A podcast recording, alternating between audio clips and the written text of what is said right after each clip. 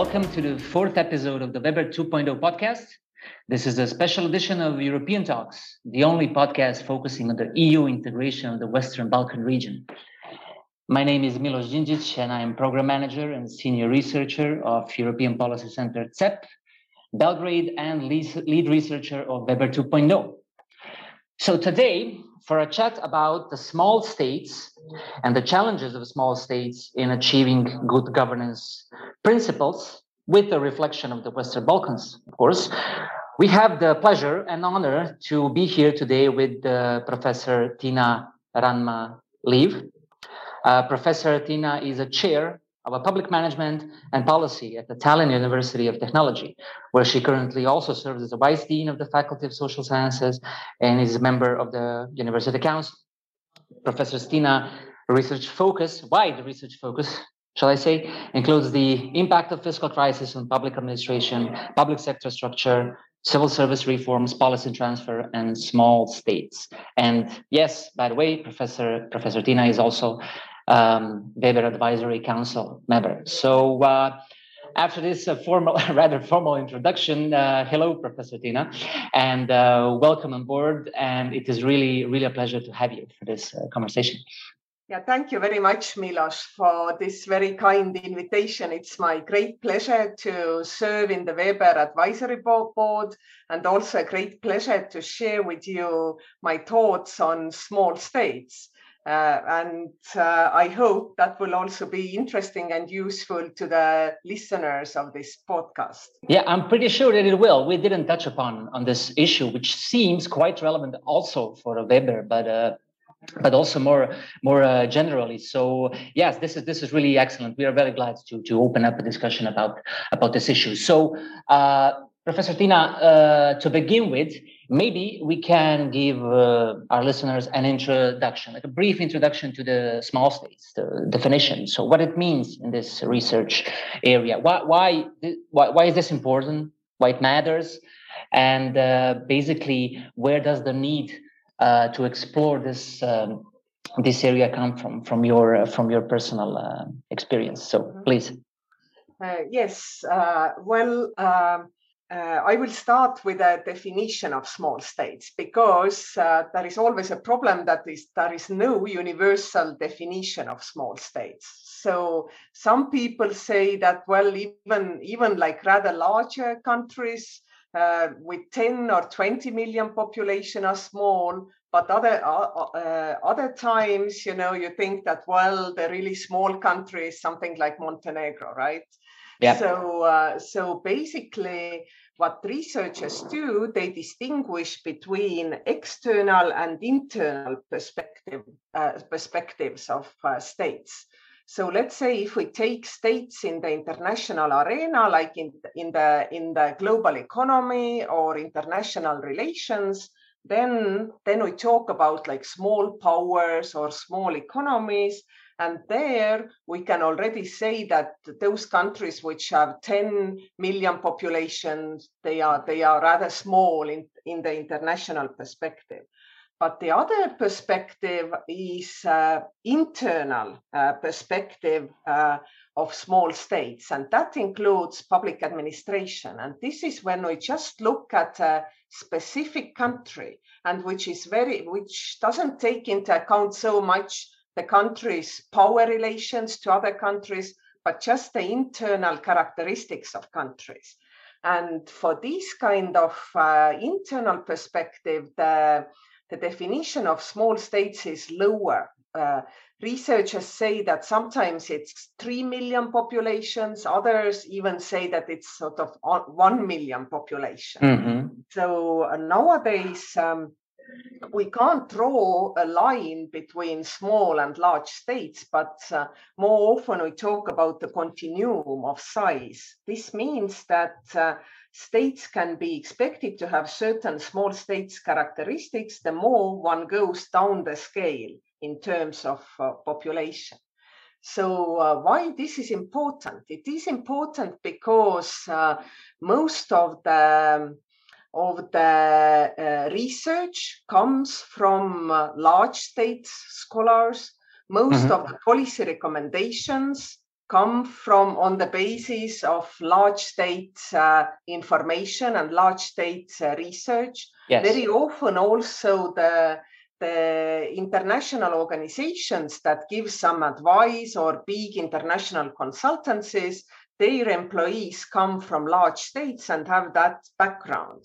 Also, most researchers come from large states. That means that uh, that the international and sort of recognized knowledge is very much based on the experience of large states. And uh, what I would like to argue is that small states are uh, specific, they are unique, and we have to take these characteristics into account when uh, when uh, designing public administration reforms. Mm-hmm. I think, yeah, thank you. I think this is really relevant for uh, the Western Balkan region as well, because all of the countries, as you know, are in the EU accession process. And we uh, here are trying to align with the different uh, standards and principles and requirements um, in this, in this uh, process. So basically, I was just wondering if you agree that uh, just what you said um, about the uh, experience of uh, larger countries or bigger countries is also the case here, right? So all the accumulated, uh, let's say, uh, knowledge and the standards in the public administration reform area, for example, are actually drawn from the experience of the larger countries. Is that so in your uh, in your opinion? Yes, absolutely. And I think it's indeed a very valid point for the Western Balkan countries, which uh, basically all, of course, Serbia to a lesser extent, they all are small countries. Yeah, that was my yeah. Uh-huh. Yeah, sorry, that was my uh, also second point that I just want to mention based on this external and internal uh, definition, right? So Western Balkans would definitely, Western Balkan countries would definitely, sorry, fall into this category of uh, small states in terms of the size of the, uh, in terms of the size of the population, right? Uh, but then again, uh, we often see that small countries have large administration, large government, right? I have some, you know, relatively fresh data from the government at a glance from the OECD that says that four Western Balkan countries uh, that they have data for have on average um, higher share of public sector employment out of the total employment, of course, than the OECD average. So, uh, is this also something that we need to uh, take into account? And uh, wh- wh- why is that? I mean, do small states need bigger governments? Uh, yes, to a certain extent, that this is true because uh, small states have to fulfill all the um, functions of an independent state. And since their population is smaller, so uh, that leads to the to the empirical evidence which shows that very often in small state government is one of the biggest uh, employers. Mm-hmm. And uh, and quite often the relative size of government is bigger in, in society compared to the to the large countries just because uh, uh, because small states uh, small governments have to fulfill the same uh, same roles same same functions as in in large countries and no state can abandon uh, classical state functions so mm-hmm. basically uh, and we can't also contract out classical state functions such sure. as i don't know courts or uh, basic education or social services these are very much related to the languages and so on. And mm-hmm. uh, uh, and we have to provide public services in the in the national languages. Yeah so small states are actually in uh, in bigger trouble right? They have to fulfill uh, all the functions with fewer fewer resources, both resources, human right. and, and financial yeah. resources. That's true. And that makes all kind of cost efficiency measures very important for small countries. Mm-hmm. Also, another point is that, uh, that uh, um, uh, in small countries, there are more monopolistic public service providers than in large states. Let's say public transportation, social services, education, health that means that small states cannot rely so much on market mechanisms as uh, large countries. And okay. that makes uh, very important the role of government as a regulator.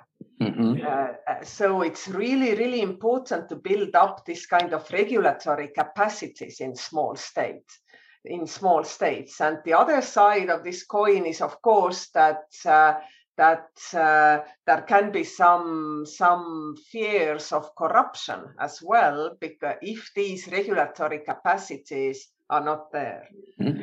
Uh, excellent. Uh, since you mentioned the corruption, I just wanted to uh, touch upon uh, one point that is mentioned in your research and that uh, seems quite relevant. And this is about the importance of personal relationships in uh, in small states. Now, um, the importance of this um, is because there are consequences apparently for governance, right? So, for example, it's harder to um, implement some principles of recruitment, let's say, or performance appraisal of public servants in a way that uh, you know is deemed uh, good administration right? So this is uh, this is uh, one of your points. So my question would be do you think that uh, in general this makes merit principle in small states uh, something that is non-implementable actually in practice? Are we speaking about that? And um, if you have any uh, reflection or thoughts or uh, any on the Western Balkan examples, please feel free to to uh, say something about that too. Yes, this is this is a very good question, and uh, this kind of importance of individuals, importance of informal relations is indeed one of the key characteristics of uh, small societies. And basically, that goes back to the slogan everyone knows everyone else you know mm-hmm. it's not literally yes. so but basically if you are anybody in a small country either in private sector or ngo or mm-hmm. public sector you basically know the people who are who yes. are active in the same area this is also uh, this also reminds of the smaller communities you know where everyone knows who the judge is exactly. who the department uh, chief of the police department is etc exactly. and it's good to so, have good relationships with these people right exactly and the head of the chief uh, uh, chief police can also be your neighbor exactly or, or, or relative uh, or parent of your child's uh, classmate or something yes. like that so that means that people meet the same people over and over again in the past in the mm-hmm. present mm-hmm. in the future and and that actually leads to sort of a special social ecology of uh, small society and very sort of closely knit uh, communities. It mm-hmm. doesn't mean that everyone is friends with everyone else. I think this is always a mistake that is made by the uh-huh. large large state citizens that they think that oh you know everybody so you are necessarily friends. Not mm-hmm. at all uh, more often, well, you can be either friends or enemies. It's the research shows that uh, in small societies, all these personal relations are very often they are not so much neutral, but they can they can often be uh, either positive or negative. Um, so. So basically, um, and that also means that if we look at at uh, relationships within a society, usually they are taken as sort of in two poles, uh, universalistic versus particularistic. And universalistic is basically sort of objective, sort of neutral. Uh, it, it's based on the neutral roles between uh, uh, among uh, citizens, so that you that if you have a neighbor, you take him or her only as a neighbor and you don't consider other roles.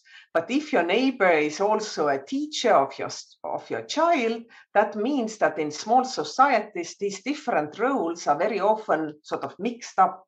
And that means that uh, that these relationships in small societies tend to be more particularistic than in in uh, large societies. So it, it's often more important who the person is rather than what he or she does in some uh, uh, sort of universalistic model. Yes, yes, yes. And this indeed, this indeed has also consequences to the civil service and indeed mm-hmm. to, the, to the merit principles in particular So basically, what is characteristic to small states is that very often specific ideas are, are identified with specific persons.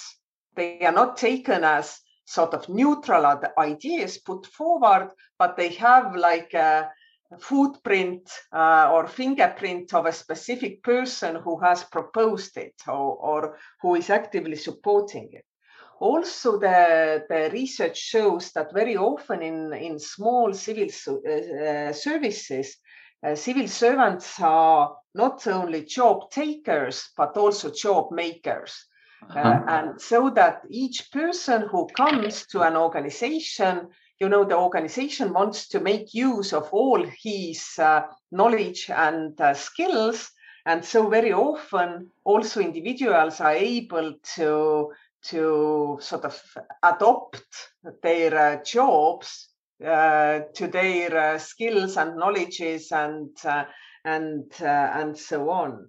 Yes. Also, this, mm-hmm. sorry. So th- uh, this seems to be important for another point of yours from your research that says there is a monopoly of expertise, so to say, um, because you know jobs can be created around knowledge and abilities of specific person or persons right rather than ideal uh, standards so to say. So uh, administration can end up you know having a small pool of people that know how to perform perform, perform uh, certain uh, state functions right uh, public administration functions. Is is is that so? And how uh, i mean from the bigger perspective, how does this um, uh, you know interplay with the uh, um, accountability of the administration and responsiveness in the in the long run?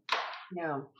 Uh, yes, basically, this kind of uh, lack of expertise is also a characteristic of small countries, and, and this relates to the highly specialized public administration. So we we we basically what, what public administrations in contemporary world face are very complex policy problems and need for evidence-based policy making, professional public service delivery. And that requires high degree of specialization. Mm-hmm. But in small countries, uh, there are problems with having these kind of uh, high uh, high level specialists and that, that has to do with both supply and demand of uh, uh, specialist skills. First, very often the educational system does not provide very specialized education because there is uh, missing economies of scale in education. So, uh, just to bring some example, uh, it's difficult to uh, to let's say study sort of specialized policy areas such as uh, environmental policy or health policy or education policy uh, because there is just such a limited need for these specialists in small countries. On the other hand, you really need these specialists in, in any public administration. So um, that means that uh, if you have some specialist skills, it's easy to become a sort of domestic champion in a narrow mm-hmm. specialization. Mm-hmm. But the other side of this coin is that there is not so much competition. You may mm-hmm. become sort of eh, you you may uh, stay in your comfort zone and not develop further. And and there is also very often these specialists feel lonely. They don't yeah. have like professional discussion. For example, and, and that means that in small countries, there is often less uh, professional discussion about different alternative solutions in public uh, policies. Let's say mm-hmm. different civil service systems, mm-hmm. different financial management models. So this may be lacking because of the of the shortage of uh, of relevant specialists. Okay. So, so and also it's it's it's very difficult to control these uh, these specialists because uh, because who is able to say that he or she is a real specialist and yes and exactly that goes that goes back to these uh, mm-hmm. merit system uh, problems in small countries. Exactly. So I uh, I understand that there is a problem with the um, let's say on the public competition part for example when it comes to recruitment in the civil service. There might be you know fewer people who are entering from uh, from the outside just because of this um, uh, people uh, who are entrenched let's say within the within the system in the institutions.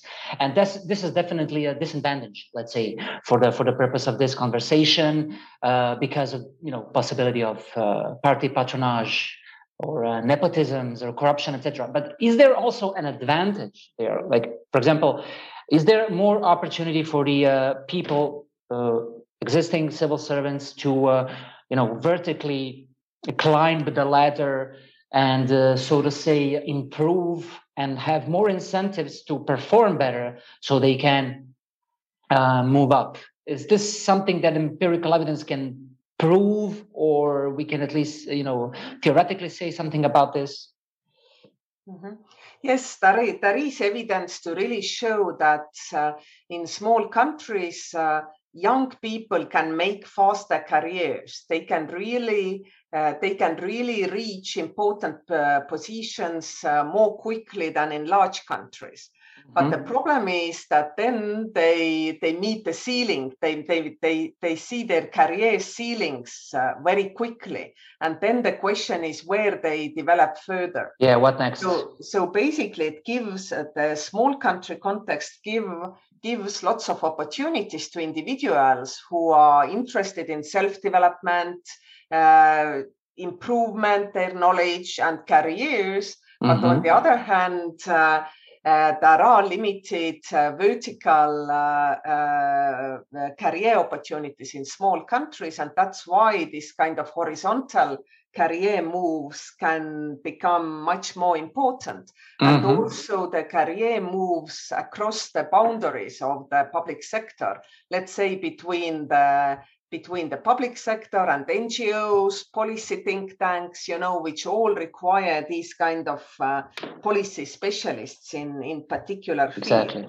Yes. And, yes. And, and that would also increase the quality of discussion in the society so that mm-hmm. because otherwise we, we, we say that due to this uh, this uh, presence of real specialists there is some kind of democratic deficit in small countries because mm-hmm very often the political parties do not have competent uh, uh, sort of competence on specific policy fields mm-hmm. and and uh, and the com- and this kind of expertise is very often with the civil servants mm-hmm. and and and there, there are also less sort of veto points in small societies where some somebody else says that oh it doesn't work you know there are other options as well and mm-hmm. and so the more these kind of uh, uh, specialists on particular policy fields are spread out across society, the better. And the more this can actually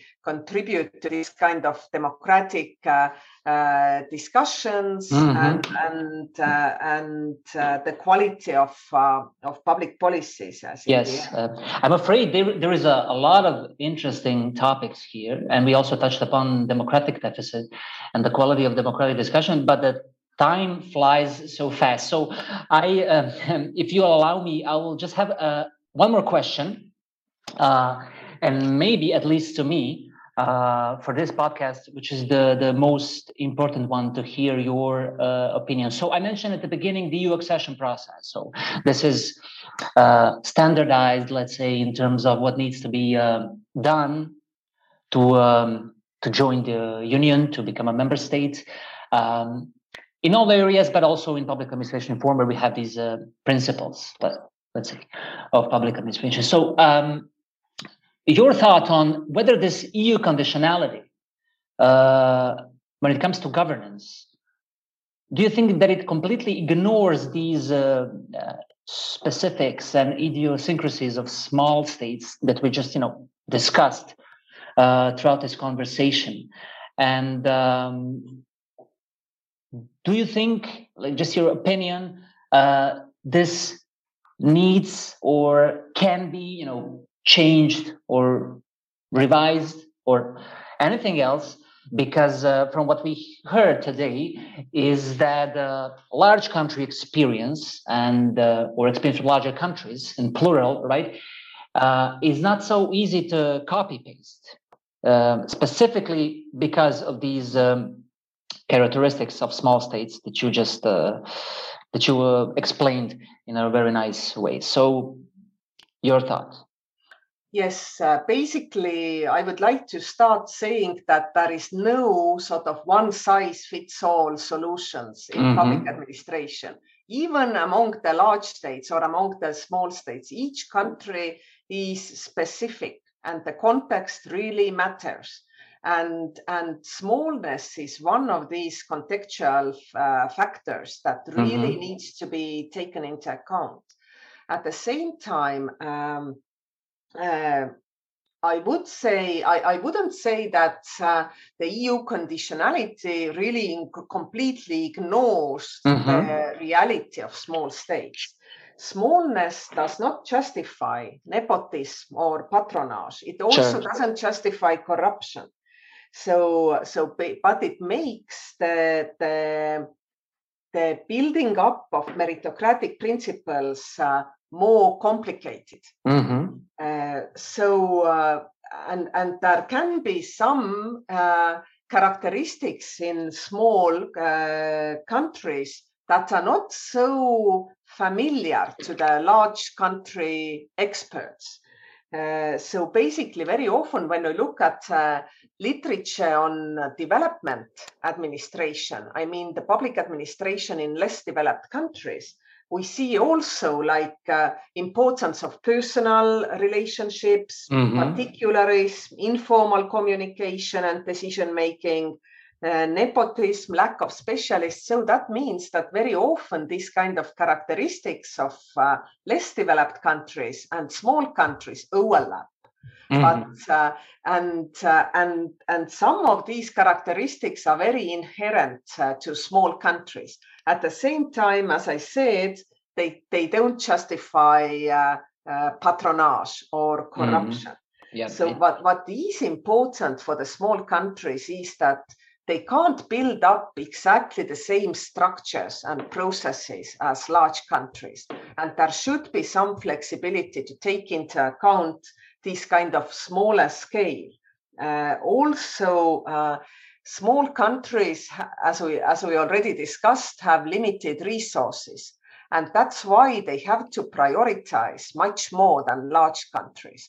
So mm-hmm. instead of having this large uh, shopping list, it makes sense for smaller countries to really prioritize on certain issues also within public administration reform mm-hmm. and to really to really make sure that there is uh, uh, there is some kind of structures in place that uh, that uh, inhibit uh, nepotism or that inhibit uh, corruption mm-hmm. and also so so this kind of prioritization is very very important um, another thing is that there is lack of this expertise and that's why in small countries it, it is perhaps more important than in larger countries to pay attention to the role of NGOs and civil society organizations mm-hmm. and to build systematically their expertise so that they could be involved in the in the democratic uh, uh, discussions.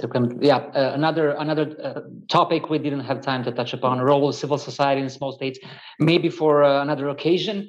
But I think that uh, for uh, for the end of this uh, very nice conversation, I think that the takeaway message that the flexibility is important, but um, uh, not uh, at the expense of uh, some principles of good administration. In other words, smallness, as you said, does not justify corruption. I think this is very good, and I and I quite liked it. So, Professor Tiina, if you don't have anything else that you might want to add or say, um, I would like to close this um, podcast uh, at this point to thank you um, once again for um, joining us, for uh, sharing your thoughts on this very uh, important topic. For our listeners, in case you are interested to get to know uh, more about the, uh, the research study area of small states or uh, other um, research papers of our guest today, you you can uh, freely uh, search on the internet. There are